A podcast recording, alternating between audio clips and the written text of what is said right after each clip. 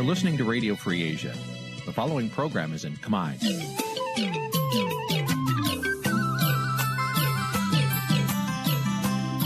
Nǐ chi càm bi tiệp xáy vệt chiu a zì sê ray នេះជាកម្មវិធីផ្សាយរបស់ Vithu Azisari ជាភាសាខ្មែរ វត្តឈូអាស៊ីសេរីសូមស្វាគមន៍លោកអ្នកនាងទាំងអស់ពីរដ្ឋធានី Washington នៃសហរដ្ឋអាមេរិក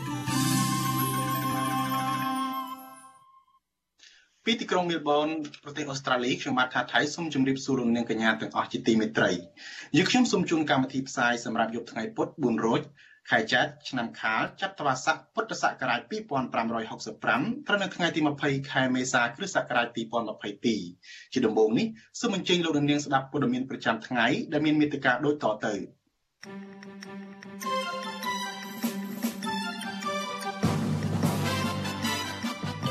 តុលាការមិនកោះហៅរដ្ឋបរទេសមកបំភ្លឺក្នុងសំណុំរឿងលោកកឹមសុខាលោកហ៊ុនសែនអំពាវនាវឲ្យអាជ្ញាធរបង្កបរិយាកាសល្អសម្រាប់ដំណើរការបោះឆ្នោតពលរដ្ឋប្រមាណ300នាក់លើកគ្នាគាំទ្រតំណាងពួកគេពេលជួបបំភ្លឺនៅតុលាការខេត្តកោះកុង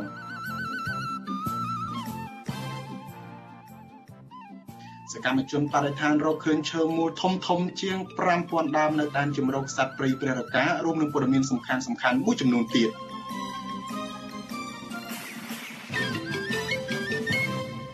បាទជាបន្តទៅនេះខ្ញុំបាទថាថៃសូមជូនព័ត៌មានពិស្ដាលោកនាងជាទីមេត្រីមេធាវីការពីក្តីលោកកឹមសុខា ចាប់ប្រកាន់ថាតុលាការមិនកោះហៅតំណាងរដ្ឋបរទេសមកបំភ្លឺក្នុងសំណុំរឿងលោកកឹមសុខានោះទេតុលាការលើកហេតុផលថាសិទ្ធិសញ្ញាទីក្រុងវិញ្ញេនមិនអនុញ្ញាតឲ្យតុលាការកោះហៅតំណាងរដ្ឋបរទេសនោះទេទោះជាយ៉ាងណាមន្ត្រីសង្គមស៊ីវិលដែលឃ្លាំមើលសវនាការនេះ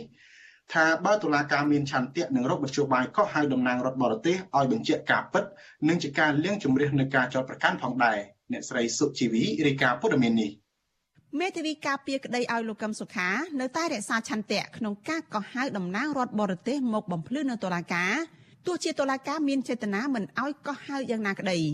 ក្រុមមេធាវីនឹងស្នើសុំបើកសវនកម្មដើម្បីសម្រេចពីការកោះហៅរដ្ឋបរទេសនេះ។សហមេធាវីការពារសិទ្ធិឲ្យលោកកឹមសុខាគឺលោកអាងឧត្តមលោកថ្លែងប្រាប់អ្នកសារព័ត៌មាននៅក្រៅចប់សវនកម្មថាតុលាការដែលជាអ្នកមានសិទ្ធិអំណាចនៅក្នុងការកោះហៅអ្នកពាក់ព័ន្ធបែរជាប្រាប់ទៅក្រុមមេធាវីថា បើចង់កោះហៅតំណាងរដ្ឋបរទេសណាមួយឲ្យក្រុមមេធាវីកោះហៅដោយខ្លួនឯងទោះយ៉ាងណាលោកអាងឧត្តមប្រាប់ទៅតុលាការវិញថាមេធាវីគ្មានអំណាចអាជ្ញានៅក្នុងការកោះហៅសាកសីនោះទេលោកបន្តថាតួនាទីរបស់មេធាវីត្រឹមតែជាអ្នកជួយតុលាការស្វែងរកការពិត យើងដឹងតម្រង់តម្រុយតុលាការឲ្យនឹងមិនធ្វើតាមយើងទេប៉ុន្តែមិនធ្វើតាមយើងត្រូវតែធ្វើគាត់មិនឆ្លើយតបគាត់មិនធ្វើតាមដំណើររបស់មេធាវីអានឹងរឿងតុលាការផ្សេងមានតុលាការទេមានអំណាចអាជ្ញាក្នុងការកោះអញ្ជើញបង្គាប់បញ្ជាឲ្យភាគីឲ្យសាកសីចូលមកមកឆ្លើយមកស្ដាប់សំណើចមកសួរសំណួរតែគាត់រុញមកអញ្ចឹងបានន័យថាគាត់រុញខុសហើយយើងនឹងហុកឲ្យមាត់គាត់វិញឲ្យគាត់ទទួលគាត់ធ្វើតាមមិនធ្វើតាមរឿងគាត់ហើយពេលហ្នឹងបើមានសវនាការយើងនឹងបាត់កកកកាយឲ្យអស់ សវនាការលោកកឹមសុខានៅថ្ងៃទី20ខែមេសាដែលជាសវនាការលើកទី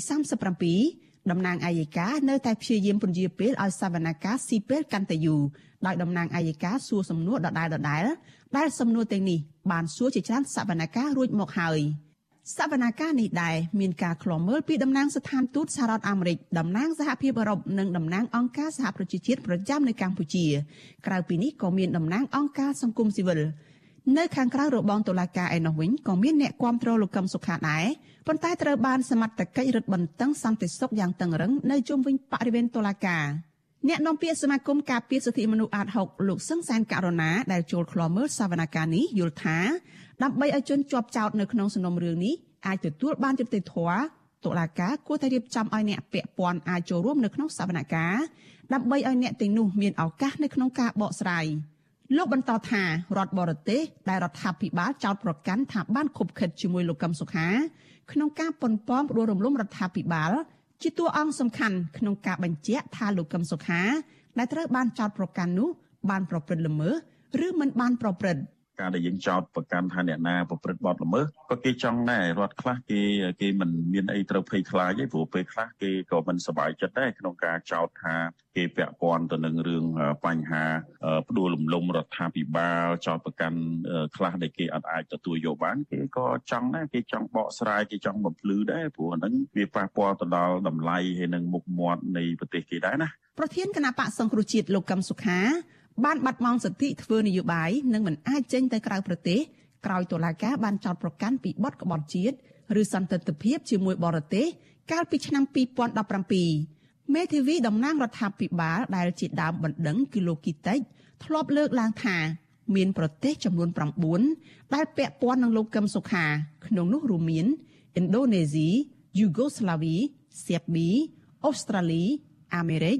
កាណាដាសហភាពអឺរ៉ុប តៃវ៉ាន់និងឥណ្ឌាមេធាវីលោកកឹមសុខាអះអាងថាគ្រងដាក់ពាក្យស្នើទៅតុលាការនៅចុងខែមេសាឬដើមខែឧសភាខាងមុខក្នុងការជំរុញឲ្យកោះហៅតំណាងរដ្ឋបរទេសមកឆ្លើយបំភ្លឺចាតុលាការនឹងបន្តសវនកម្មលោកកឹមសុខានៅថ្ងៃទី27ខែមេសាខាងមុខនេះបន្តទៀតនាងខ្ញុំសុជីវីវិទ្យុអាស៊ីសេរីពីរដ្ឋធានី Washington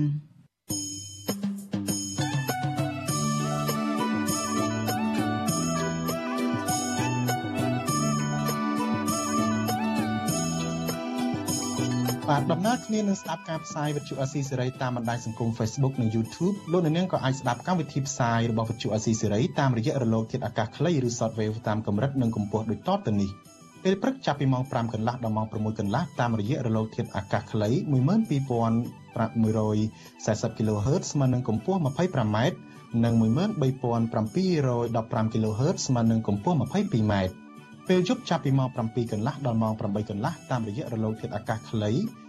9960 kHz ស្មើនឹងកម្ពស់ 30m និង12140 kHz ស្មើនឹងកម្ពស់ 25m និង11885 kHz ស្មើនឹងកម្ពស់ 25m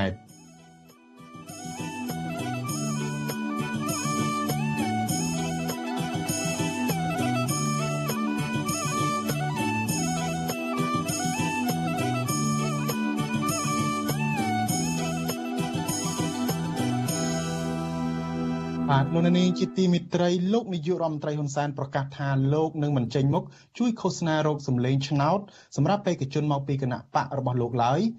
និងផ្ញើសារអំពាវនាវជាថ្មីឲ្យអាជ្ញាធរពាក់ព័ន្ធបង្កបរិយាកាសល្អសម្រាប់ដំណើរការបោះឆ្នោតក្រុមប្រឹក្សាឃុំសង្កាត់នៅពេលខាងមុខមន្ត្រីបកប្រឆាំងនិងមន្ត្រីសង្គមស៊ីវិលផ្នែកឃ្លាំមើលការបោះឆ្នោតចាត់ទុកថាការលើកឡើងរបស់លោកនាយករដ្ឋមន្ត្រីហ៊ុនសែននេះគឺជារឿងល្អ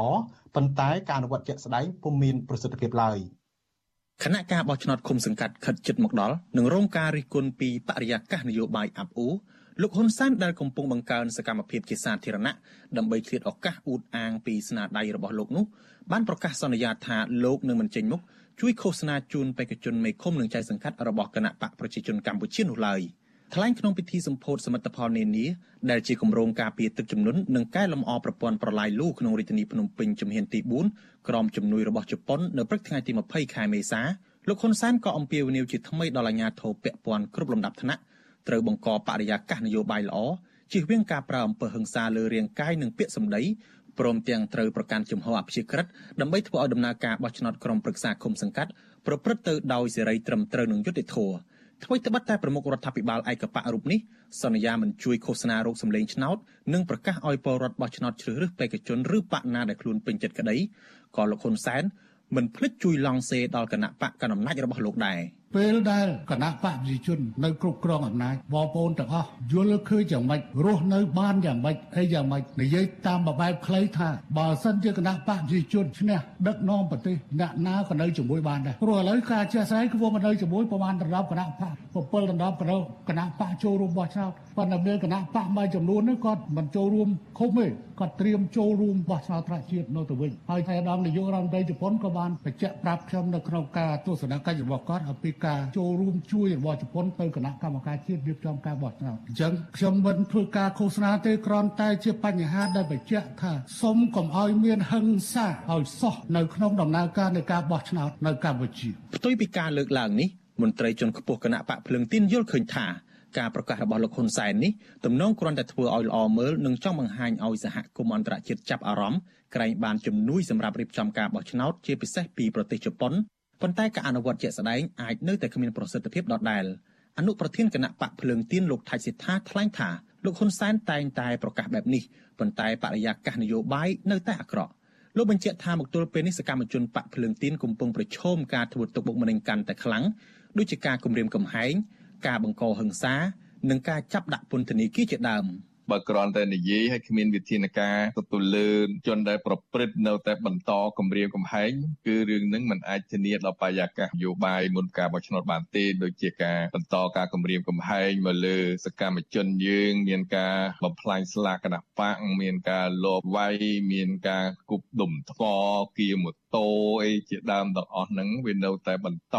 នោះទី1ទី2មួយទៀតហ្នឹងគឺរឿងបន្តនៅការចាប់ខ្លួនសកម្មជនយើងក្នុងពេលដែលយើងកំពុងតែរៀបចំការបោះឆ្នោតនេះរហូតដល់5រូបទៅហើយសម្រាប់គណៈបកភ្លើងទៀនអញ្ចឹងហើយយើងសូមបញ្ឈប់រឿងហ្នឹងទៅដើម្បីធានាថាការបោះឆ្នោតដោយប្រព្រឹត្តទៅដោយសេរីយុត្តិធម៌សូមបញ្ឈប់ប្រើប្រាស់ប្រព័ន្ធតុលាការចេញដីកាចាប់ខ្លួនកោះហៅអីគ្រប់បែបសពយ៉ាងនេះទៅ មិនខុសគ្នាប៉ុន្មានឡើយមន្ត្រីសង្គមស៊ីវិលផ្នែកឃ្លាំមើលការបោះឆ្នោតមិនភ្ញាក់ផ្អើលចំពោះសាររបស់លោកនាយករដ្ឋមន្ត្រីហ៊ុនសែនទេ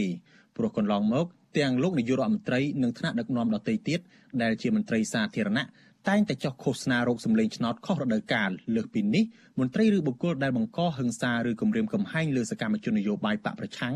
ក៏មិនត្រូវបាននាំខ្លួនមកដាក់ទោសទណ្ឌឡើយ អ្នកសម្របសម្រួលផ្នែកអង្គការនឹងតស៊ូមតិនៃគណៈកម្មាធិការដើម្បីការបោះឆ្នោតដោយសេរីនិងយុត្តិធម៌នៅកម្ពុជាហៅកាត់ថា Conference លោកកនសវាងមានប្រសាសន៍ថាសាររបស់លោកហ៊ុនសែននៅពេលនេះមិនខុសពីលើកមុនមុនទេគឺនៅតែគ្មានប្រសិទ្ធភាពប្រសិនបើគ្មានវិធានការច្បាស់លាស់លោកបន្តថាកន្លងមកក្រុមអង្គការសង្គមស៊ីវិលជាង60ស្ថាប័នក៏បានរួមគ្នាស្នើឲ្យរដ្ឋាភិបាលលោកហ៊ុនសែន ធានាឲ្យបាននៅលក្ខខណ្ឌអបបរមា6ចំណុចរួមមានការបង្កើតបរិយាកាសនយោបាយសេរីធានាសិទ្ធិនយោបាយនិងសិទ្ធិបោះឆ្នោតកែសម្រួលសមាជិកភាពគណៈកម្មាធិការជ្រៀបចំការបោះឆ្នោតធានាឯករាជ្យភាពនិងអព្យាក្រឹតភាពរបស់តុលាការនិងកងកម្លាំងប្រដាប់អាវុធព្រមទាំងធានាការអនុវត្តទូនីតិដោយសេរីរបស់អង្គការសង្គមស៊ីវិលនិងប្រព័ន្ធផ្សព្វផ្សាយជាដើមក៏ប៉ុន្តែលោកពិនិត្យឃើញថាលក្ខខណ្ឌអបបរមាទាំង6ចំណុចនេះមិនត្រូវបានរដ្ឋាភិបាលអើពើដោះស្រាយឲ្យបានជាដុំកំភួននោះឡើយ។ ដែលជាហេតុធ្វើឲ្យក្រុមអង្គការសង្គមស៊ីវិលព្រួយបារម្ភកាន់តែខ្លាំងអំពីដំណើរការបោះឆ្នោតដែលប្រព្រឹត្តទៅគ្មានលក្ខណៈសេរីត្រឹមត្រូវនិងយុត្តិធម៌ ទោះបីយ៉ាងណាការដែលត្រឹមមានតែត្រឹមសារវាមិនបានគ្រប់គ្រាន់ទេគឺថាត្រូវតែដាក់បទបញ្ជាឲ្យនៅម៉ាត់ក្នុងការពិនិត្យមើលទៅលើថ្នាក់ក្រោមជាភាសាអាញាធមមូលដ្ឋានឬក៏មន្ត្រីរាជការមូលដ្ឋានហ្នឹងពីព្រោះហេតុការណ៍ងារកន្លងមកវាតែងតែកើតឡើងអំពីអ្នកទាំងអស់ហ្នឹងទោះបីតើជាចោលក៏ដោយមិនប្រយោលក៏ដោយគឺថាកើតឡើងពីអ្នកទាំងអស់ហ្នឹងនៅក្នុងតំបន់មួយចំនួនដែលគណៈបកយោបាយប្រកួតប្រជែងជាមួយនឹងគណៈបកដែលមានអំណាចហ្នឹងតែងតែលើកឡើងរួមទាំងជាបរដ្ឋឬក៏ខាងសហគមន៍ផងដែរណាតែតែតែលើកឡើងអញ្ចឹងសូមឲ្យដាក់មានវិធានការថែមទៀតដើម្បីឲ្យមានសិទ្ធិភាពមកទល់ពេលនេះមានសកម្មជនគណៈបកភ្លើងទៀន6នាក់ហើយក្នុងនោះរួមទាំងសាច់ញាតិរបស់ពួកគេផងត្រូវបានអាជ្ញាធររដ្ឋាភិបាលលោកហ៊ុនសែនចាប់ខ្លួនដាក់ពន្ធនាគារគណៈបេក្ខជនជាង10នាក់ទៀតតុលាការបានកោះហៅទៅបំភ្លឺពីបទញុះញង់លើសពីនេះអនុប្រធានប្រតិបត្តិគណៈបកភ្លើងទៀននៅខណ្ឌច្បារអំពើរាជធានីភ្នំពេញលោកជឿនសារឹម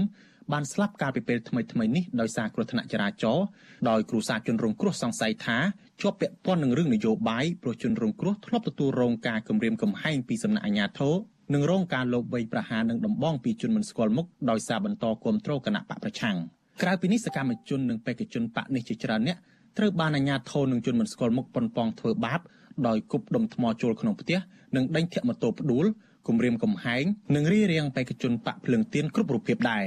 គណៈបកប្រឆាំងនឹងក្រុមអង្គការសង្គមស៊ីវិលវាយតម្លៃថាបើបរិយាកាសនយោបាយនៅតែស្ថិតក្នុងភាពអាប់អួរបែបនេះនឹងមិនអាចធានាថាការបោះឆ្នោតនៅពេលខាងមុខប្រកបដោយសេរីត្រឹមត្រូវនិងយុត្តិធម៌នោះទេ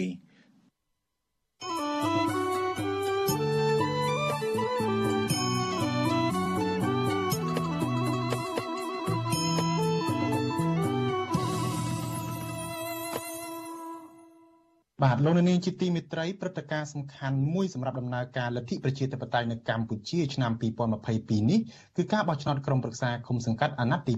5នៅមិនដល់ជាង1ខែកន្លះទៀតទេដែលការបោះឆ្នោតនេះនឹងចូលមកដល់គឺនៅថ្ងៃអាទិត្យទី5ខែមិថុនាកម្ពុជានៅតែពុំទាន់មានការស្រោះស្រួលផ្នែកនយោបាយណាមួយដើម្បីបើកផ្លូវឲ្យមានវត្តមានគណៈបកសង្គ្រោះជាតិដែលជាគណៈបកប្រឆាំងដ៏ធំជាងគេអាចចូលរួមការបោះឆ្នោតនេះបាននៅឡើយទេ ក៏ប៉ុន្តែការបោះឆ្នោតនេះមានការចូលរួមពីគណៈបកនយោបាយទាំងចាស់និងថ្មីសរុប17គណៈបកតើព្រឹត្តិការណ៍សំខាន់សំខាន់នឹងភាពមិនប្រក្រតីអ្វីខ្លះបានកើតឡើងក្នុងដំណើរការបោះឆ្នោតនេះតើក្រមប្រទេសប្រជានិយមប្រជាធិបតេយ្យបង្ហាញចំហយ៉ាងណាជំវិញព្រឹត្តិការណ៍បោះឆ្នោតគុំសង្កាត់លើកនេះបាទបន្តិចទៀតនេះលោកមានរិទ្ធនឹងរាយការណ៍ផ្ទាល់ជំវិញដំណើរការបោះឆ្នោតគុំសង្កាត់នេះ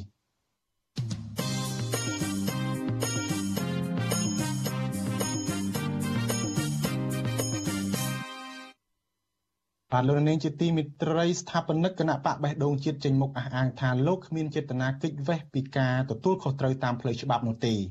លោកសៀមភ្លុកសង្ឃឹមថាតុលាការនឹងដំកល់សំណុំរឿងលោកទុកដោយឥតចាត់ការនៅពេលលោកចូលបំភ្លឺនៅក្នុងតុលាការលោកទីនសការីយ៉ារាយការណ៍ព័ត៌មាននេះពីរដ្ឋធានី Washington ស្ថាបនិកគណៈបកបេះដូងជាតិលោកសៀមភ្លុកអះអាងថាលោកនឹងចូលខ្លួនទៅបំភ្លឺការពិតនៅចំពោះមុខចៅក្រមស៊ើបសួរនៅពេលទទួលបានឯកសារពាក់ព័ន្ធសំណុំរឿងរបស់លោកពីតុលាការរួចរាល់។ នឹងបានពឹងពាក់មេធាវីឲ្យជួយការពារក្តីការអាងរបស់ស្ថាបនិកគណៈបកបៃដងជាតិបែបនេះក្រោយពេលមានការចុះផ្សាយព័ត៌មានថាលោកមានចេតនាកិច្ចវេះពីការទទួលខុសត្រូវលិខិតរបស់ស្ថាបនិកគណៈបកបៃដងជាតិលោកសៀមភ្លុកចុះថ្ងៃទី20ខែមេសាឲ្យដឹងថាកន្លងទៅលោកបានដឹងព័ត៌មានក្រៅផ្លូវការថាចៅក្រមស៊ើបសួរសាលាដំបងរាជធានីភ្នំពេញលោកលីសុខាបានចេញនៃការបង្កប់ឲ្យនាំខ្លួនលោកទៅតុលាការឲ្យបានមុនថ្ងៃទី25ខែមេសាខាងមុខពាក់ព័ន្ធនឹងការចោទប្រកាន់ករណីក្លែងបន្លំ និងប្រើប្រាស់លិខិតខ្លាញ់ទោះជាណាលោកថាមកទល់ពេលនេះព្រមលោកផ្ទាល់មិនទាន់ទទួលបានដីកាកោះជាផ្លូវការពីតុលាការតាមអាស័យដ្ឋានដែលបង្ហាញនៅក្នុងដីកានោះទេជុំវិញនឹងការលើកឡើងរបស់លោកសៀមភ្លុកបែបនេះវិទ្យុអសិរ័យមិនអាចសុំការឆ្លើយតបពីប្រធានលេខាធិការដ្ឋានស្លាដំបងរាជធានីភ្នំពេញលោកអ៊ីរិនដើម្បីសួរអំពីបញ្ហានេះបន្ថែមបានទេនៅថ្ងៃទី20មេសាចំណែកស្ថាបនិកគណៈបកបដងជាលោកសៀមភ្លុកឲ្យវិទ្យុអសិរ័យដឹងបន្ថែមថាការចាប់ប្រកាន់លើរូបលោកពេលនេះ អាចមានហេតុផលពីរយ៉ាង ទី1អាចមានការមិនយល់គ្នាឬមានការយល់ច្រឡំនៃតំណាងក្រសួងមហាផ្ទៃពាក់ព័ន្ធនឹងផ្លូវច្បាប់លោកសង្ឃឹមថាបន្ទាប់ពីលោកបានចូលឆ្លើយបំភ្លឺការពិតនៅចំពោះមុខចៅក្រមស៊ើបសួររួចតឡាការនឹងតម្កល់សំណុំរឿងនេះទុកមិនចាត់ការពីព្រោះសំណុំរឿងចោទប្រកាន់នេះមានវិមតិសង្ស័យមានហេតុផលដោះបន្ទុកគ្រប់គ្រាន់និងមិនមានវិជាសនកម្មសង្គមនឹងអ្នកដទៃទេទី2លោកថាអាចនឹងត្រូវតឡាការឃុំខ្លួនបណ្ដោះអាសន្នប្រសិនបើរឿងនេះជារឿងនយោបាយ ហើយនឹងត្រូវរងចាំការជំនុំជម្រះតាមយុទ្ធសាស្ត្រនយោបាយលោកសៀមភ្លុកលើកឡើងទៀតថាលោកបានត្រៀមចិត្តនឹងបានសម្រេចទទួលយកលទ្ធផលទាំងពីរនេះរួចហើយទោះជាបែបនេះក្តីលោកជឿជាក់ថាបកកណ្ដាលអំណាចមិនធ្វើរឿងនយោបាយមិនសំទំនងបែបនេះមកលើរូបលោកនោះទេជុំវិញនឹងការលើកឡើងបែបនេះរបស់លោកសៀមភ្លុកអ្នកនាំពាក្យគណៈបកប្រជាជនកម្ពុជាលោកសុកអេសានអះអាងថារឿងតុលាការនិងបកកណ្ដាលអំណាចជារឿងដាច់ដライពីគ្នាលោកបន្តថាបើសិនជាលោកសៀមភ្លុកមិនបានប្រព្រឹត្តខុស លោកសៀមផ្លុកមិនគួរភ័យខ្លាចឡើយហើយត្រូវហ៊ានចូលបំភ្លឺនៅតុលាការ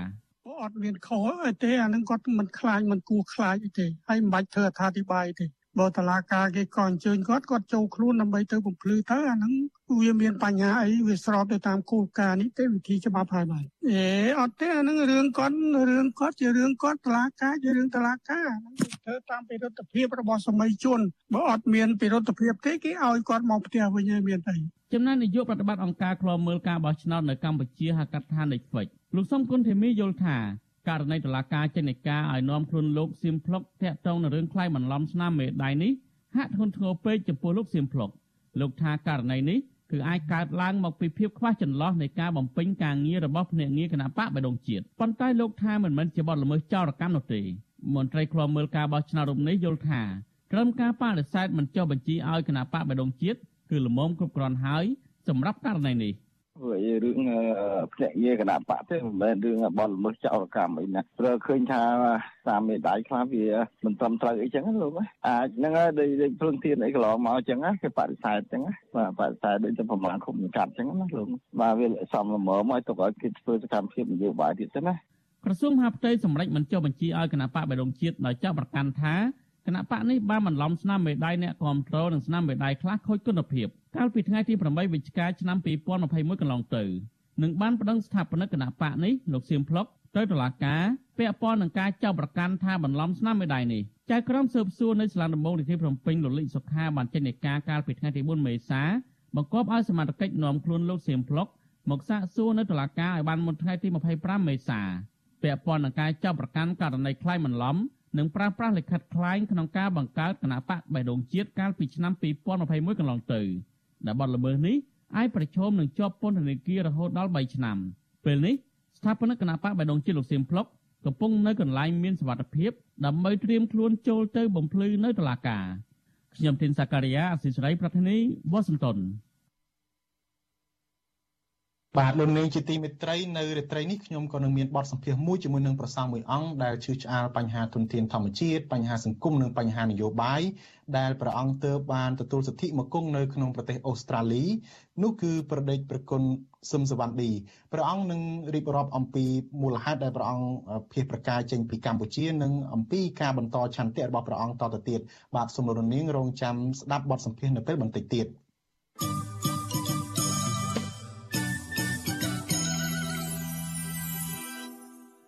បាទលោកនាងជាទីមិត្តរីងាកមករឿងព្រៃឈើវិញសកម្មជនការពារព្រៃឈើរកឃើញដើមឈើផលិតជាប់ទឹកនិងដើរឬដើមច្បាស់ជួរប្រមាណ5000ដើមដែលត្រូវគេកាប់ផ្ដួលដើម្បីធ្វើអាជីវកម្មស្ថិតក្នុងដែនជម្រកសត្វព្រៃព្រះរកាក្នុងខេត្តព្រះវិហារនៅរយៈពេលជាង3ខែចុងក្រោយនេះពួកគេរកឃើញអ ுக ្រិតកម្មព្រៃឈើនៅតំបន់នោះដោយសារតែពួកគេបានស្រាវជ្រាវអស់រយៈពេលជាច្រើនសប្តាហ៍មកហើយអ្នកស្រីខែសំណងរាយការណ៍ព័ត៌មាននេះ សកម្មជនការពារព្រៃឈើអះអាងថា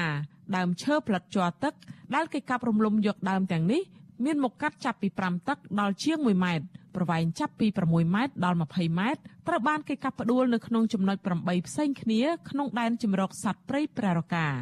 ពួកគេស្ដាយស្រណោះសម្បត្តិធម្មជាតិដ៏មានតម្លៃបន្សល់ចុងក្រោយនេះដែលជាប្រភពចំណូលសេដ្ឋកិច្ចយ៉ាងសំខាន់របស់ពលរដ្ឋនៅតែទទួលរងការកាប់បំផ្លាញអស់ជាច្រើនពាន់ដើមគិតចាប់ពីចុងខែធ្នូឆ្នាំ2021រហូតដល់ដើមខែមិនិនាឆ្នាំ2022នេះសកម្មជនការពារបរិស្ថានដែលចោះអង្កេតរឿងនេះលោកហេងស្រស់ ប្រាប់វិទ្យុអេស៊ីស្រីនៅថ្ងៃទី20មេសាថាពួកលោកបានប្រើពេលជាច្រើនសប្តាហ៍ដើម្បីស្រាវជ្រាវស៊ើបអង្កេតក្នុងព្រៃប្រារកាដោយរាប់គល់ឈើនិងសម្ភារម្ចាស់ច្បាស់ជ័រដែលពួកគេបានបង្ខំចិត្តលក់ដើមឈើទាលដែលខ្លួនកំពុងអាស្រ័យផលលោកបន្តថាពួកលោករកឃើញពលរដ្ឋ15គ្រួសារបានលក់ដើមច្បាស់ជ័រទឹកក្នុងព្រៃអភិរក្សនេះដោយក្នុងម្នាក់ម្នាក់មានដើមច្បាស់ជ័រក្នុងចន្លោះពី300ទៅ500ដើម ហើយក្នុងមួយដើមមានតម្លៃចន្លោះពី40000រៀលដល់100,000រៀលលោកបន្ថែមថាមូលហេតុចម្បងដែលពលរដ្ឋបង្ខំចិត្តលក់ដើមច្បាស់ជ័រឲ្យឈ្មួញដោយសារតែពួកគាត់គ្មានលទ្ធភាពការពារស្នើទៅរដ្ឋាភិបាលឲ្យមានចំណិតការឲ្យមើងម៉ាត់ទៅលើការការពារព្រៃឈើនៅតំបន់ព្រៃប្រែការព្រោះយើងមើលឃើញថារយៈពេលតែ7ឆ្នាំសោះបែរជាធ្វើឲ្យតំបន់ព្រៃប្រែការคล้ายទៅជាមិនមែនតំបន់ព្រៃប្រែការតទៅទៀតទេคล้ายទៅជាតំបន់ព្រៃមួយដែលតម្រូវការទៅ ហើយគ្រប់ច្រកទាំងអស់គឺសិតសឹងតែមានគោយន្តក្នុងការចូលដឹកនិងបញ្ជូនចេញពីតំបន់ព្រៃរបស់ព្រះរាជាសកម្មជនបរិស្ថានរូបនេះបន្ថែមថាឆ្មាំអភិរក្សរបស់ក្រសួងបរិស្ថានហាក់មិនខ្វាយខ្វល់ទប់ស្កាត់បទល្មើសព្រៃឈើក្នុងតំបន់អភិរក្សនេះទេលោកថាមន្ត្រីនគរបាលយុតិធធដែលឈរជើងយាមព្រៃនៅទីនោះអសមត្ថភាពការពារធនធានធម្មជាតិដែលច្បាប់ផ្ដល់សិទ្ធិឲ្យធ្វើឲ្យព្រៃឈើវិនិច្ឆ័យហិនហោច លោកបញ្ជាក់ថាពួកលោកនឹងធ្វើរបាយការណ៍ភ្ជាប់ភស្តុតាងច្បាស់លាស់ដាក់ជូនក្រសួងបរិស្ថាន និងក្រសួងពាក់ព័ន្ធជាថ្មីទៀតដើម្បីរកដំណោះស្រាយឲ្យមានប្រសិទ្ធភាពនៅពេលឆាប់ៗនេះរបាយការណ៍ស្រាវជ្រាវរបស់សកម្មជនបរិស្ថានបង្ហាញថាឈើមូលធំធំ ជាង5000ដើម ដែលគេកាប់បំផ្លាញនៅទីនេះស្ថិតនៅ8ចំណុចផ្សេងផ្សេងគ្នា គឺចំណុចយ៉ាក់ពើតវាលថ្លុងដីបោកក្រហមវាលកើបអូតាមាក់អូដា អូចៃម៉ាស់និងចំណុចថ្មព្រះស្ថិតក្នុងដែនជម្រកសត្វព្រៃប្រារកានៃស្រុកឆែបនិងស្រុកត្បៃមានជ័យខេត្តព្រះវិហារបេសកកម្មចុះស្រាវជ្រាវនេះធ្វើឡើងជាបន្តបន្ទាប់ចាប់តាំងពីចុងឆ្នាំ2021រហូតដល់ដើមខែមិនិនាឆ្នាំ2022ក្នុងបំណងតាមដានពីស្ថានភាពព្រៃអភិរក្សមួយនេះដែលគ្រប់គ្រងដោយក្រសួងបរិស្ថានតំណាងសហគមន៍ការពារព្រៃព្រះរកាលោកហេតណៃចាត់ទុករបាយការណ៍ស្រាវជ្រាវនេះ ថាឆ្លុះបញ្ចាំងពីការពិតលោកសង្កេតឃើញថាអ្នកភូមិជាង10គ្រួសារបានបង្ខំចិត្តលក់ដើមច្បាស់ជ័រទឹកចន្លោះពី300ដើមទៅ1000ដើមព្រោះតែគ្មានជំរើសដោយក្រុមឈ្មួញតែងតែគំរាមកំហែងដល់ម្ចាស់ដើមច្បាស់លោកថាម្ចាស់ច្បាស់ទាំងនោះបានសារភាពប្រាប់ប្រជាសហគមន៍ថាពួកគេមិនអាចការពារដើមឈើផ្លាត់ជ័រទឹកទាំងនេះបានទេរីឯប្រជាសហគមន៍ការពារព្រៃប្ររកា ក៏មិនអាចជួយដោះស្រាយបញ្ហានេះជូនអ្នកភូមិបានដែរព្រោះអាជ្ញាធរតែងតែហាមប្រាមមិនឲ្យពួកលោកចូលល្បាតព្រៃជិត3ឆ្នាំមកហើយលួចលក់ នឹងគឺគ្នាបង្ខំចិត្តលក់ដែរព្រោះអីបើមិនលក់ទេក៏តាមតែគេក៏វាកាត់យកតម្រង់អញ្ចឹងទេហើយខាងសហគមន៍យើងគឺជួយការពារគាត់មិនបានដែរបាទព្រោះអីគេរៀបរៀងជាង10គ្រួសារក៏ប៉ុន្តែបើយើងគិតទៅគឺដូចយើងនៅខាងពមេឈ្មោះពឿនគាត់ស្ទងមើលទៅដើមច្បាស់ជួគាត់ជាង1000ដើមធ្វើឲ្យលក់បាន8000ដុល្លារបាទតំណាងសហគមន៍រូបនេះបន្ថែមថាតំបន់ព្រៃប្រារកានៅសល់ដើមច្បាស់ជ័រច្រើនជាងគេ នៅចំណុចអូត្រមាក់ អូត្រមាក់ខាងក្រោមអូត្រយ៉ោលអូត្រប់និងប្រឡាយសង្ខំកំពុងស្ថិតនៅក្នុងស្ថានភាពគ្រោះថ្នាក់ដោយមានពលរដ្ឋខ្លះលក់ដើមច្បាស់ជ័រជាច្រើនដើមដោយទទួលបានប្រាក់ជាង7000ដុល្លារលោកថាអ្នកទិញច្បាស់ភាគច្រើនគឺប្រមូលទិញទាំងអស់រួចពួកគេបញ្ជូនកម្លាំងកម្មករប្រើរណាយន្តកាប់រំលំដោយមានការបើកដៃពីឆ្មាំអភិរក្សរបស់ក្រសួងបរិស្ថាន វិទ្យុអសីស្រីមិនអាចតតងសុំការបំភ្លឺរឿងនេះពីប្រធានដែនជំរកសត្វព្រៃប្រារកាលោកយ៉ាន់មុនសឿននិងអ្នកនាំពាក្យក្រសួងបរិស្ថានលោកណេតភក្ត្រាបានឡើយទេនៅថ្ងៃទី20ខែមេសាព្រោះទូរស័ព្ទហៅចូលតែគ្មានអ្នកលើកចំណែកប្រធានបរិស្ថានខេត្តព្រះវិហារលោកសុងច័ន្ទសុជាតិ បដិសេធមិនផ្ដល់សម្ភារប្រាប់វិទ្យុអេស៊ីសរ៉ៃតាមទូរស័ព្ទនោះឡើយដោយលោកជំរុញឲ្យទៅជួបលោកផ្ទាល់ចេញមកអំទីមកខ្ញុំផ្ដល់ជូនបងឥឡូវខ្ញុំកំពុងប្រជុំដែរជំវិញរឿងនេះមន្ត្រីពង្រឹងសិទ្ធិអំណាចសហគមន៍មូលដ្ឋាននៃសមាគមអាត6លោកប៉ែនប៊ុណា ចាត់ទុកការលក់ដើមច្បាស់ជ័ររបស់ពលរដ្ឋគឺជាទង្វើខុសច្បាប់ ដែលអាជ្ញាធរពាក់ព័ន្ធគួរតែហាមឃាត់និងស្រាវជ្រាវឲ្យច្បាស់លាស់ចំពោះករណីនេះលោកបញ្ជាក់ថាមន្ត្រីដែលពាក់ព័ន្ធជាមួយពលរដ្ឋលក់ច្បាស់ជ័រទៅឲ្យឈ្មួញក៏រួមចំណែកប្រព្រឹត្តអំពើល្មើសច្បាប់ដែរ សកម្មជនការពារបរិស្ថានបន្ថែមថា បច្ចុប្បន្នមានរោងសិប្បកម្មកែច្នៃនិងដេប៉ូប្រមូលទិញឈើរាប់សិបកន្លែង នៅជុំវិញតំបន់ដែនជម្រកសត្វព្រៃប្រារកាក្នុងស្រុកចំនួន3នៃខេត្តព្រះវិហារពួកគេអះអាងថារោងសិប្បកម្មកែច្នៃឈើទាំងនោះ បានប្រមូលទិញឈើពីដែនជម្រកសត្វព្រៃប្រារកាដែលជាប្រភពនៃវិនាសកម្មព្រៃឈើដែនជម្រកសត្វព្រៃប្រារកាត្រូវក្រសួងបរិស្ថានដាក់បញ្ចូលជាព្រៃអភិរក្ស មានទំហំ96000ហិកតា នៅភូមិសាស្ត្រប្រជុំ3ស្រុក គឺស្រុកជាំខ្សានស្រុកត្បៃមានជ័យនិងស្រុកឆែបនៃខេត្តព្រះវិហារក្រសួងបរិស្ថានធ្លាប់លើកឡើងថាសប្តាហ៍ថ្ងៃព្រៃអភិរក្សមួយនេះមានឆ្មាំអភិរក្សរបស់ក្រសួងបរិស្ថានចំនួន14នាក់ដែលឈរជើងការពារដោយមិនបានសហការជាមួយប្រជាសហគមន៍ការពារព្រៃប្ររកាជិត3ឆ្នាំមកហើយចា៎នាងខ្ញុំខែសុណងវັດឈូអាស៊ីសេរីរាយការណ៍ពីរដ្ឋធានី Washington បានលោកនាងជាទីមេត្រីពាក់ព័ន្ធនឹងបញ្ហាចំនួនដីធ្លីនៅខេត្តកោះកុងវិញប្រជាសហគមន៍មានចំនួនដីធ្លីនៅខេត្តកោះកុងប្រមាណជាង300នាក់បានលើកគ្នាមកតាមដាននិងគាំទ្រតំណាងរបស់ពួកគេចំនួន9នាក់ដែលចូលសវនាការ ក្រមបទចោត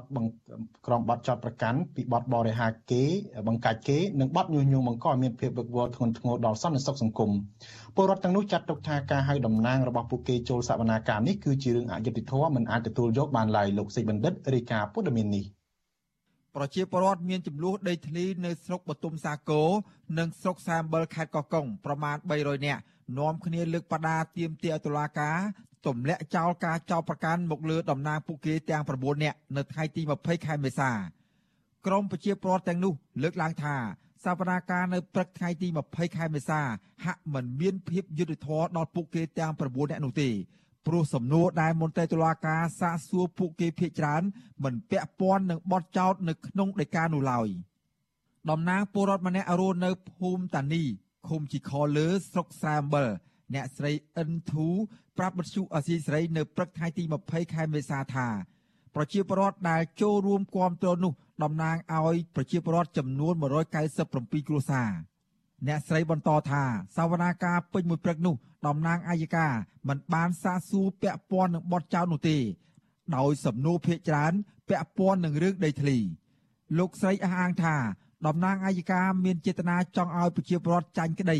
និងព្យាយាមសួរសំណួរដោយដាក់បន្ទុកដល់ប្រជាពលរដ្ឋដោយអយុត្តិធម៌ចាចំពោះខ្ញុំខ្ញុំយល់ថាអយុត្តិធម៌ណាចំពោះខ្ញុំព្រោះខ្ញុំជាប្រជាពលរដ្ឋខ្មែរប្រជាពលរដ្ឋមានទឹកមានដីមានទឹកតង់នៅឋានមានទឹកធ្វើស្រែធ្វើចម្ការចិញ្ចឹមគ្រួសាររបស់ខ្ញុំតលតែអីក៏នាងខ្ញុំទៀបទៀតវ៉ាឲ្យសុំឲ្យរីករដ្ឋាភិបាលជំរុញឲ្យលោកគេងុយតង់នៃពួកខ្ញុំមកហើយ ប្តឹងពួកខ្ញុំចូលតុលាការអញ្ចឹងអយុធធម៌ណាចំពោះពួកខ្ញុំពួកពួកខ្ញុំអត់បានធ្វើអីខុសទេរូបខ្ញុំតក៏អត់បានធ្វើអីខុសដែរពួកខ្ញុំតគឺអ្នកបាត់បង់ដីពិតប្រាកដមែនលោកស្រីបន្តទៀតថាដីធ្លីរបស់ពួកគាត់បានកាន់កាប់តាំងពីក្រោយឆ្នាំ1997ដែលបន្សល់ទុកតាំងពីដូនតាយូរមកហើយប៉ុន្តែនៅឆ្នាំ2007លោកហេងហ៊ុយបានខុបខិតជាមួយនឹងអាជ្ញាធរមូលដ្ឋាន មកឈូសឆាយដីរបស់ពួកគាត់ នាំឲ្យកើតរឿងរ៉ាវដល់បច្ចុប្បន្នដោយសារតែការផ្ដាល់សំណងមិនសមរម្យលោកស្រីសាសុំឲ្យតុលាការនិងរដ្ឋាភិបាលទម្លាក់ចោលការចោទប្រកាន់មកលើតំណាងប្រជាពលរដ្ឋទាំង9នាក់ដែលកំពុងរងគ្រោះដោយសារតែការរំលោភយកដីធ្លីពីសំណាក់លោកហេងហ៊ុយតំណាងពលរដ្ឋដែលតុលាការបានចោទប្រកាន់នោះរួមមានអ្នកស្រីកើតនៅ អ្នកស្រីអិនធូ អ្នកស្រីដេតហួរអ្នកស្រីអ៊ីបតឹង និងលោកឆាន់ឈឿនជាដើម ជុំវិញរឿងរ៉ាវសវនាការនេះវិទ្យុអស៊ីសេរីមិនទាន់អាចសុំការបំភ្លឺពីតំណាងអាយកាលោកវៃភិរមបានទេ ដោយទូរស័ព្ទចូលតែគ្មានអ្នកទទួលចំណែកអភិបាលខេត្តកោះកុងអ្នកស្រីមិថុនាពូថងក៏មិនទាន់អាចតាក់ទងបានដែរជុំវិញរឿងចំនួនដីធ្លីនេះដែរ មន្ត្រីឃ្លាំមើលសិទ្ធិមនុស្សនៃអង្គការលីកាដូប្រចាំខេត្តកោះកុងលោកហូអ៊ីនលើកឡើងថាចំនួនដីធ្លីនេះមានពាក់ព័ន្ធរវាងលោកហេងហ៊ុយនិងប្រជាពលរដ្ឋជាច្រើនគ្រួសារលោកបន្តថាការចោទប្រកាន់ពីសំណាក់តុលាការនេះជារឿងមិនត្រឹមត្រូវឡើយព្រោះការតវ៉ាទាមទាររបស់ប្រជាពលរដ្ឋកន្លងមកគឺជាការសម្ដែងមតិទាមទាររកដំណោះស្រាយដីធ្លីជូនពួកគាត់តែប៉ុណ្ណោះដូច្នេះតុលាការគួរតែទម្លាក់ការចោទប្រកាន់នេះដើម្បីឲ្យ គណៈកម្មការសុខដីថ្នាក់ខេត្តក៏ដូចជាក្រសួងដែនដីហ្នឹងធ្វើការសម្រុះសម្រួលដោះស្រាយទំនាស់រវាងប្រជាពលរដ្ឋនិងអង្គការណាហើយការណាប្រើបនតឡាការដើម្បីដោះស្រាយគឺយើងឃើញថាករណីវាមិនអាចបញ្ចប់បានទេហើយបទតែធ្ងន់ធ្ងរដែលធ្វើឲ្យប្រជាពលរដ្ឋមានការបារម្ភគឺបទញុះញង់តទៀតហើយអញ្ចឹងយើងមើលឃើញថាគ្រាន់តែជាការទៀមទាការតវ៉ាដាក់លិខិតទៅសាលាខេត្តក៏ដូចជាស្ថាប័នផ្សេងផ្សេងទៀតដើម្បីស្នើសុំឲ្យមានការដោះស្រាយហើយក៏ ត្រូវបានចោទប្រកាន់ពីបទញុះញង់យើងឃើញថាចាអសិទ្ធិសេរីភាពនៃការជួបជុំសិទ្ធិសេរីភាពនៃការសម្ដែងមតិហ្នឹងវាត្រូវបានបាត់បង់ហើយលោកបន្តថាការប្រើប្រាស់ប្រព័ន្ធតុលាការដើម្បីបញ្ចប់រឿងរ៉ាវមិនមែនជាដំណោះស្រាយល្អនោះទេផ្ទុយទៅវិញបានត្រឹមតែបង្កឲ្យមានបញ្ហាកាន់តែធំឡើងលោកមើលឃើញថាកន្លងមកប្រជាពលរដ្ឋបាននាំគ្នាដាក់ញត្តិនៅតាមស្ថានទូតនានាដើម្បីស្វែងរកដំណោះស្រាយ លោកថាតុលាការមិនត្រូវប្រើច្បាប់មករឹតបន្តឹងសិទ្ធិសេរីភាពបញ្ចេញមតិដែលគ្រប់គ្រងដោយរដ្ឋធម្មនុញ្ញមកធ្វើបាបប្រជាពលរដ្ឋខ្លួនឯងនោះឡើយ។ចាប់តាំងពីពាក់កណ្ដាលឆ្នាំ2019មកក្រមប្រជាពលរដ្ឋប្រមាណ197គ្រួសារនៅខេត្តកោះកុងបាននាំគ្នាស្វែងរកដំណោះស្រាយនៅរាជធានីភ្នំពេញដើម្បីរកអន្តរាគមន៍ពីក្រសួងរៀបចំដែនដីនគររូបនីយកម្មនិងសំណង់ឲ្យជួយដោះស្រាយវិវាទដីធ្លីរបស់ពួកគាត់ រហូតមកទល់នឹងពេលនេះគ្មានដំណោះស្រាយណាមួយនោះឡើយខ្ញុំបាទសេកបណ្ឌិតវិទ្យុអាស៊ីសេរីពីរដ្ឋធានីវ៉ាស៊ីនតោនបាទលោកនាងជាទីមេត្រីប្រជាសហគមន៍ការពារព្រៃឈើរស់នៅឃុំត្រពាំងជូស្រុកអរ៉ាល់ខេត្តកំពង់ស្ពឺអះអាងថាដើមឈើធំធំបន្សល់ចុងក្រោយស្ថិតក្នុងព្រៃសហគមន៍ឧត្តមស្រែពោះកំពុងទទួលរងការកាប់ទន្ទ្រានពីសំណាក់មន្ត្រីយោធាមួយក្រុមសហគមន៍ដែលបានចុះទៅដល់ទីតាំងកាប់ឈើប្រទះឃើញថា ឈើមួយរាប់រយដើមទាំងតូចទាំងធំត្រូវជន់ល្មើសលបកាប់បំផ្លាញអស់ជាង2ហិកតាជាថ្មីទៀតនៅរយៈពេលជាង1សប្តាហ៍ចុងក្រោយនេះសមាជិកសហគមន៍ការពារសមាសមាជិកសហគមន៍ការពារព្រៃសហគមន៍ម្ដំស្រែពោះគឺលោកស្រីខនខនខូនខនសោកស្ដាយឈើល្អល្អផ្ដល់ជំរកសត្វព្រៃបាក់សាបាក់សីនិងជាទីអាសនៈអាស្រ័យរបស់អ្នកពុពចិត្តរក្សាសិលនៅតែទទួលរងការកាប់បំផ្លាញអស់ជាបន្តបន្ទាប់ លោកស្រីស្នើជាថ្មីទៀតឲ្យអាជ្ញាធរខេត្តកំពង់ស្ពឺនិងប្រមុខរដ្ឋាភិបាលមេត្តាទុកព្រៃនេះឲ្យគង់វង្សដើម្បីជាជំរកសត្វព្រៃនិងជាកន្លែងដែលយាយជីតាជីមករក្សាសិលភាវនាធัวព្រោះមានទេសភាពស្រស់បំព្រងនិងស្ងប់ស្ងាត់ហើយដេញអុយសម្ដេចនារីកចូលច្បាប់នឹងមិនមែនព្រៃរិចរិលទេព្រៃស្រោងព្រៃសត្វគ្រប់ប្រភេទនៅហើយតាំងជាបរិវត្តរស់នៅនឹងអើយសុខសប្បាយណាស់គ្មានគោរោ បន្លែលក់អីចឹងលោកគ្រូហើយដល់ពេលអស់ទៅគ្នាម៉ែប្រូដូចខ្ញុំមិនដឹងរស់ស៊ីអីម្ល៉េះខ្ញុំចេះតែពីវនាវចឹងទៅបាទក្នុងពេលចុះល្បាតតំណាងសហគមន៍ម្នាក់ដែលជាប់បណ្ដឹងនៅតុលាការគឺលោកសយសាបបានលុតជង្គង់ថ្វាយបង្គំរូបថតលោកនាយករដ្ឋមន្ត្រីហ៊ុនសែនដោយស្នើឲ្យលោកចេញបញ្ជាជាបន្ទាន់លុបចោលគម្រោងកាត់ជ្រៀលដីព្រៃសហគមន៍262ហិកតាស្ថិតក្នុងព្រៃសហគមន៍ម្ដំស្រែពោះដើម្បីផ្ដល់ដីសម្បត្តិសង្គមគិច្ចឲ្យមន្ត្រីយោធាង70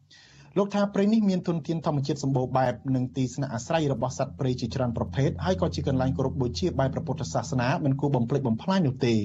អភិបាលខេត្តកំពង់ស្ពឺលោកវីសំណាងធ្លាប់ប្រាប់វិទ្យុអាស៊ីសេរីថាការសំណូមពររបស់ពលរដ្ឋគឺជាសិទ្ធិសម្រេចរបស់រដ្ឋាភិបាល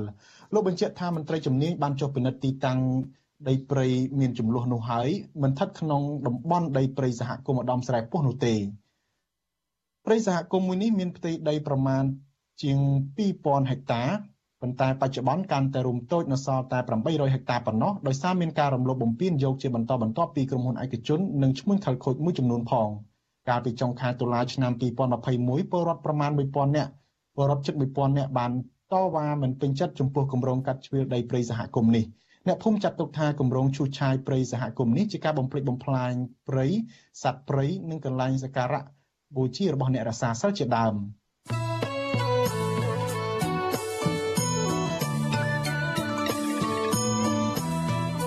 បាទលោកនាងជាទីមេត្រីព្រឹត្តិការណ៍សំខាន់មួយសម្រាប់ដំណើរការលទ្ធិប្រជាធិបតេយ្យនៅកម្ពុជាក្នុងឆ្នាំ2022នេះគឺជាការបោះឆ្នោតក្រុមប្រឹក្សាគុំសង្កាត់អាណត្តិទី5នៅមិនទាន់ដល់ពេលជាងមួយរយៈពេលមួយខែកន្លះទៀតទេដែលការបោះឆ្នោតនេះនឹងចូលមកដល់គឺនៅថ្ងៃអាទិត្យទី5មិថុនាកម្ពុជា នៅតែពុំទាន់មានការស្រោះស្រួលនយោបាយណាមួយដើម្បី បើកផ្លូវឲ្យគណៈបកសង្គ្រោះជាតិដែលជាគណៈបកប្រឆាំងដ៏ធំជាងគេអាចចូលរួមការបោះឆ្នោតនេះបានឡើយទេក៏ប៉ុន្តែការបោះឆ្នោតនេះមានការចូលរួមពីគណៈបកនយោបាយទាំងចាស់និងថ្មីសរុប17គណៈបកតើមានព្រឹត្តិការណ៍សំខាន់សំខាន់និងភាពមិនប្រក្រតីអ្វីខ្លះបានកើតឡើងក្នុងដំណើរការបោះឆ្នោតនេះតើក្រមប្រទេសនិយមប្រជាធិបតេយ្យបង្ហាញចំហយ៉ាងណាជុំវិញព្រឹត្តិការណ៍បោះឆ្នោតឃុំសង្កាត់លើកនេះបាទបន្តិចទៀតនេះលោកមានរិទ្ធនឹងរាយការណ៍ផ្ទាល់ជុំវិញដំណើរការបោះឆ្នោតឃុំសង្កាត់នេះ thank you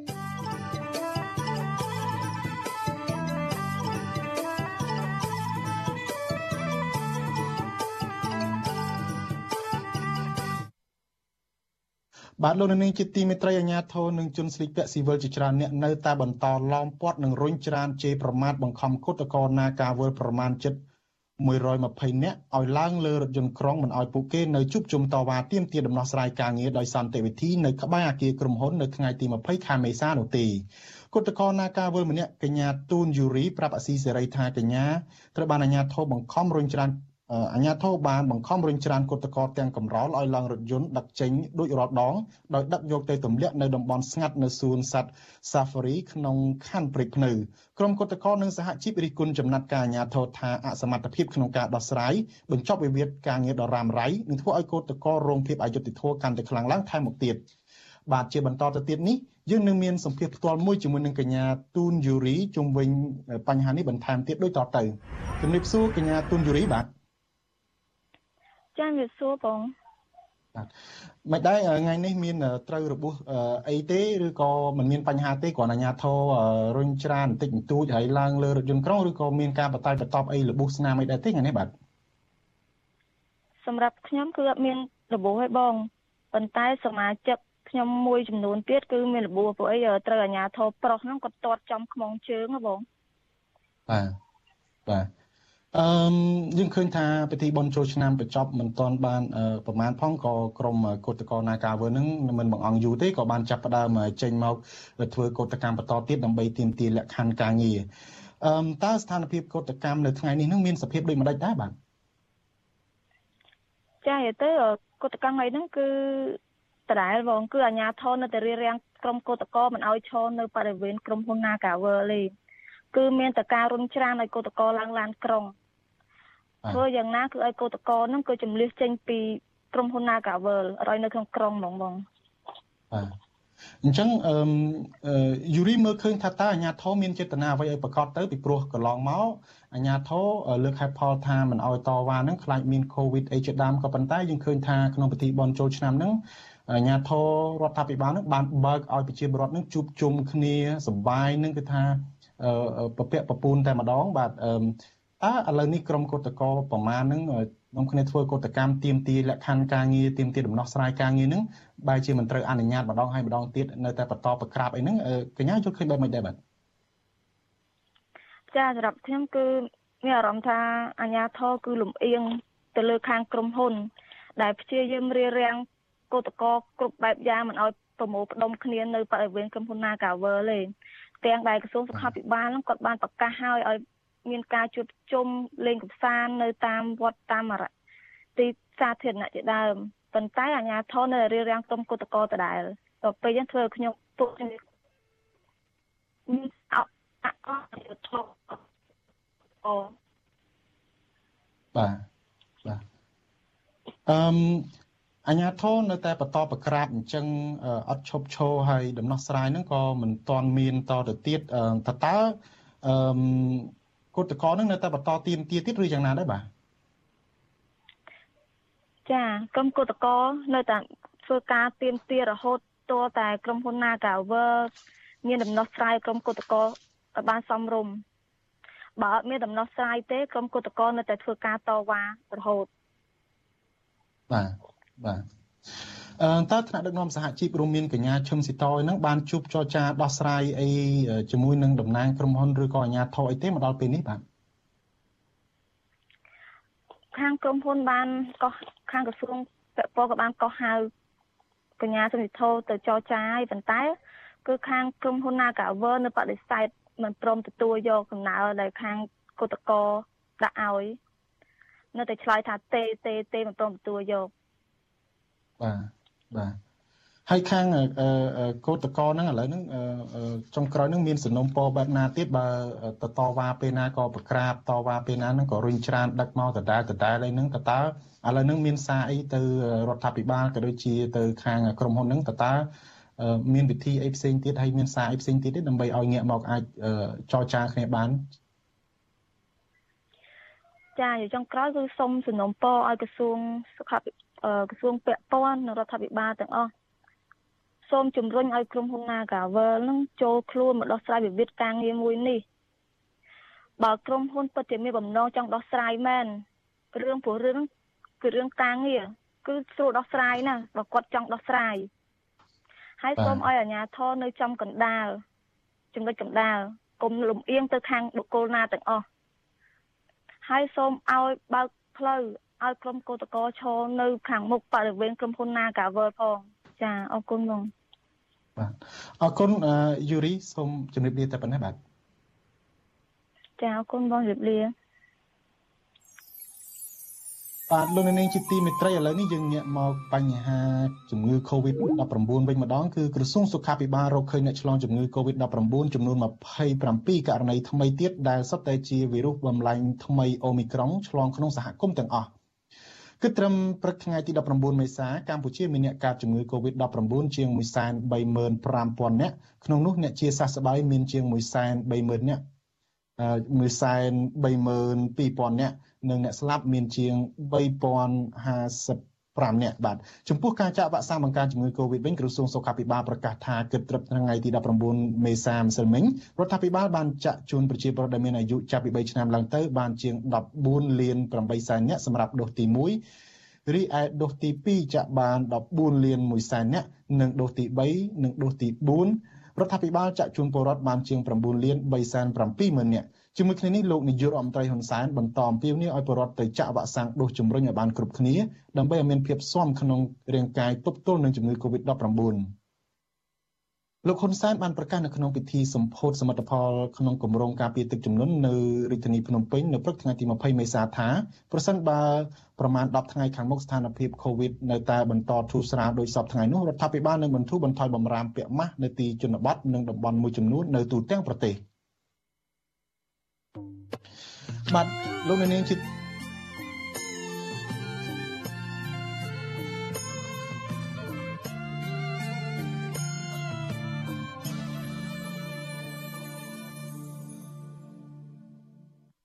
បាទលោកនាងជាទីមេត្រីនៅព្រឹត្តិការណ៍សំខាន់សំខាន់សម្រាប់ដំណើរការប្រជាធិបតេយ្យនៅកម្ពុជាក្នុងឆ្នាំ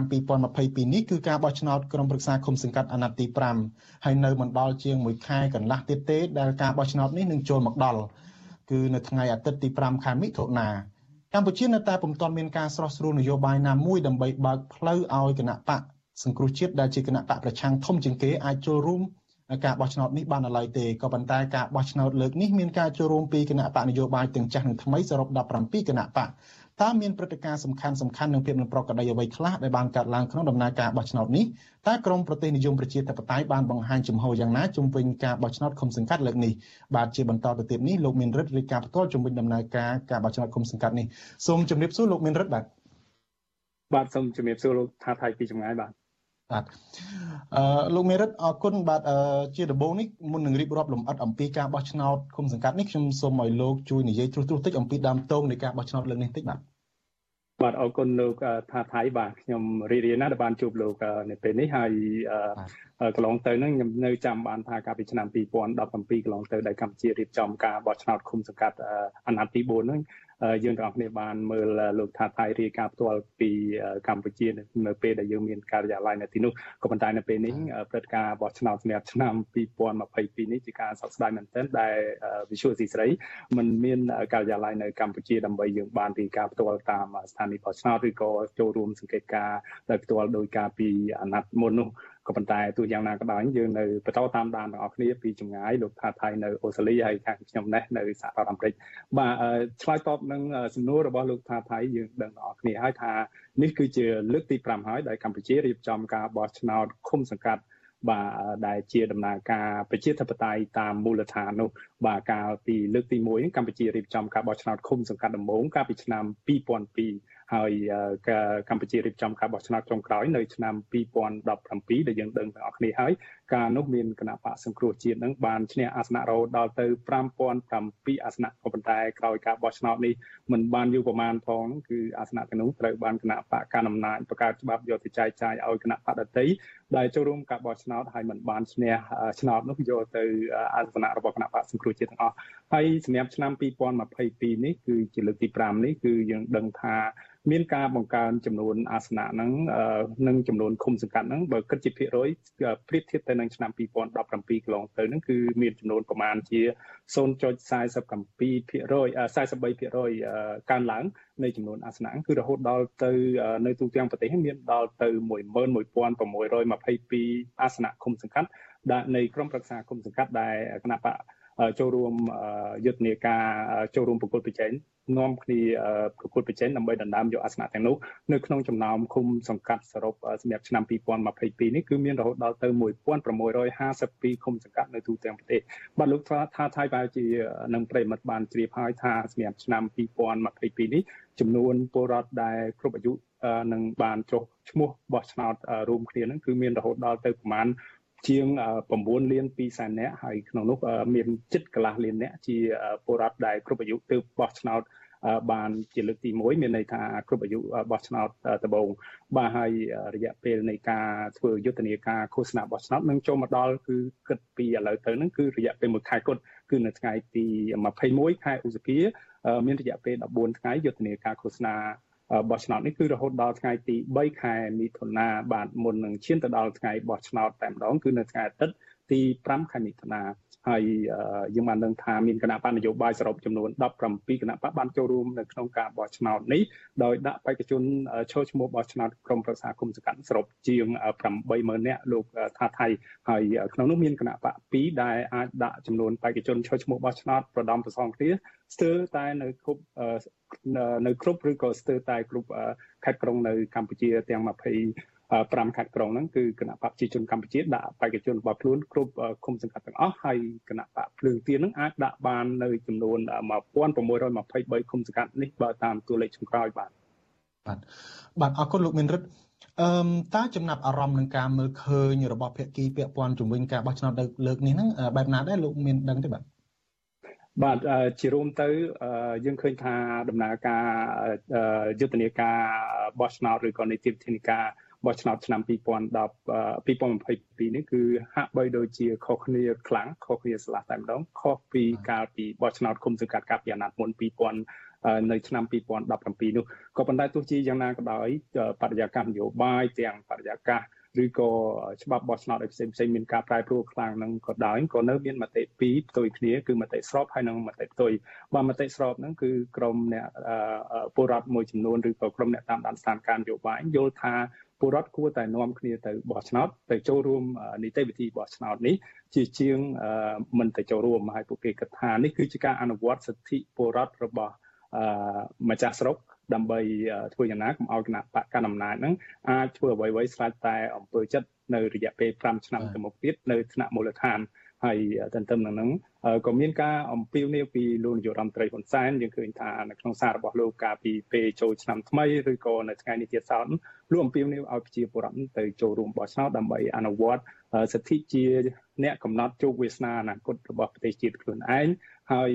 ជាការអនុវត្តសិទ្ធិបោះឆ្នោតរៀងរាល់5ឆ្នាំម្ដងហ្នឹងទន្ទឹមនឹងហ្នឹងលោកក៏បានដូចនៅក្នុងសេចក្តីរាយការណ៍របស់លោកថាថៃមុននឹងអញ្ចឹងថា លោកហ៊ុនសែននឹងមិនទៅធ្វើយុទ្ធនាការឃោសនាបោះឆ្នោតអីទេសម្រាប់ការបោះឆ្នោតឃុំសង្កាត់ឆ្នាំនេះបាទក៏ប៉ុន្តែយើងទាំងអស់គ្នាដឹងឮឃើញតាមដានតាមការហ្នឹងគឺឃើញហើយថាក្នុងរយៈពេល5ឆ្នាំកន្លងទៅហ្នឹងគឺ ការបោះឆ្នោតនេះគឺជាលទ្ធផលនៃអ្វីដែលយុទ្ធនាការរបស់អាជ្ញាធរគណៈបកកណ្ដាលអំណាចឬក៏រដ្ឋាភិបាលកម្ពុជាដែលបានបើកយុទ្ធនាការជាប្រព័ន្ធរំលាយលទ្ធិប្រជាធិបតេយ្យនិងសិទ្ធិមនុស្សនោះអញ្ចឹងដំណើរការបោះឆ្នោតនេះចង់ឬមិនចង់គឺជាលទ្ធផលនៃអ្វីដែលបានខុសពីការបោះឆ្នោតកាលពីឆ្នាំ2017កន្លងទៅ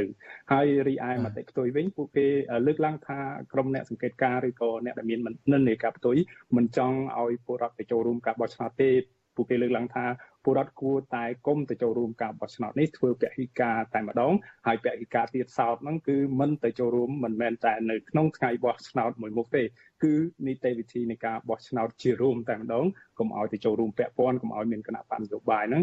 នាំគ្នាធ្វើពហិការទាំងស្រុងចំពោះការបោះឆ្នោតនេះដោយពួកគេលើកឡើងថាការទៅចូលរួមនៅក្នុងនីតិវិធីណាមួយនៃដំណាក់ការបោះឆ្នោតនេះរួមទាំងថ្ងៃបោះឆ្នោតផងនោះគឺជាការផ្ដល់ភាពស្របច្បាប់ទៅឲ្យគណៈបកកណ្ដាលអំណាច ហើយជាការផ្ដល់ភាពស្របច្បាប់និងជាការបន្តជីវិតឲ្យរបៀបរបបនៃការដឹកនាំតាមបែបផ្ដាច់ការហ្នឹងអាចបន្តទៅទៀតបានព្រោះពួកគេមើលឃើញថាដំណើរការនៃប្រព័ន្ធបោះឆ្នោតនិងអង្គការចាត់តាំងឬក៏ខាងគណៈកម្មាធិការជាតិរៀបចំការបោះឆ្នោតប្រព័ន្ធបោះឆ្នោតនៅកម្ពុជា ជារួមហ្នឹងគឺពុំអាចឲ្យមានការកែប្រែតាមបែបលទ្ធិប្រជាធិបតេយ្យបានឡើយព្រោះកម្ពុជាធ្លាក់ចូលទៅក្នុងរបៀបរបបគ្រប់គ្រងតាមបែបផ្ដាច់ការស្ទើរតែទាំងស្រុងទៅហើយ ហើយលោកថាថៃប្រហែលជាបានជ្រាបហើយថានៅក្នុងដំណើរការបោះឆ្នោតគុំស្កាត់ឆ្នាំនេះយើងឃើញថាគណៈបកភ្លើងទៀន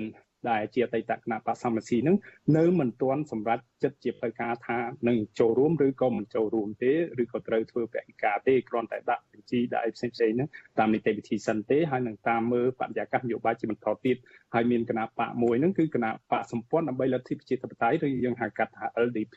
ដែលបានបង្កើតឡើងតាំងពីឆ្នាំ2005ក៏បានសម្រេចចិត្តធ្វើពហិការមិនចូលរួមការបោះឆ្នោតឃុំសង្កាត់លើកនេះទេក្រោយពីមានបណ្ដឹងតវ៉ា ដោយគណៈបកនេះយល់ថាកោចបពុំមានតម្លាភាពទេនៅក្នុងនីតិវិធីនៃការរាប់ឆ្លើយឆ្នោតឯជាដើមនោះលោកថាថៃបាទបាទ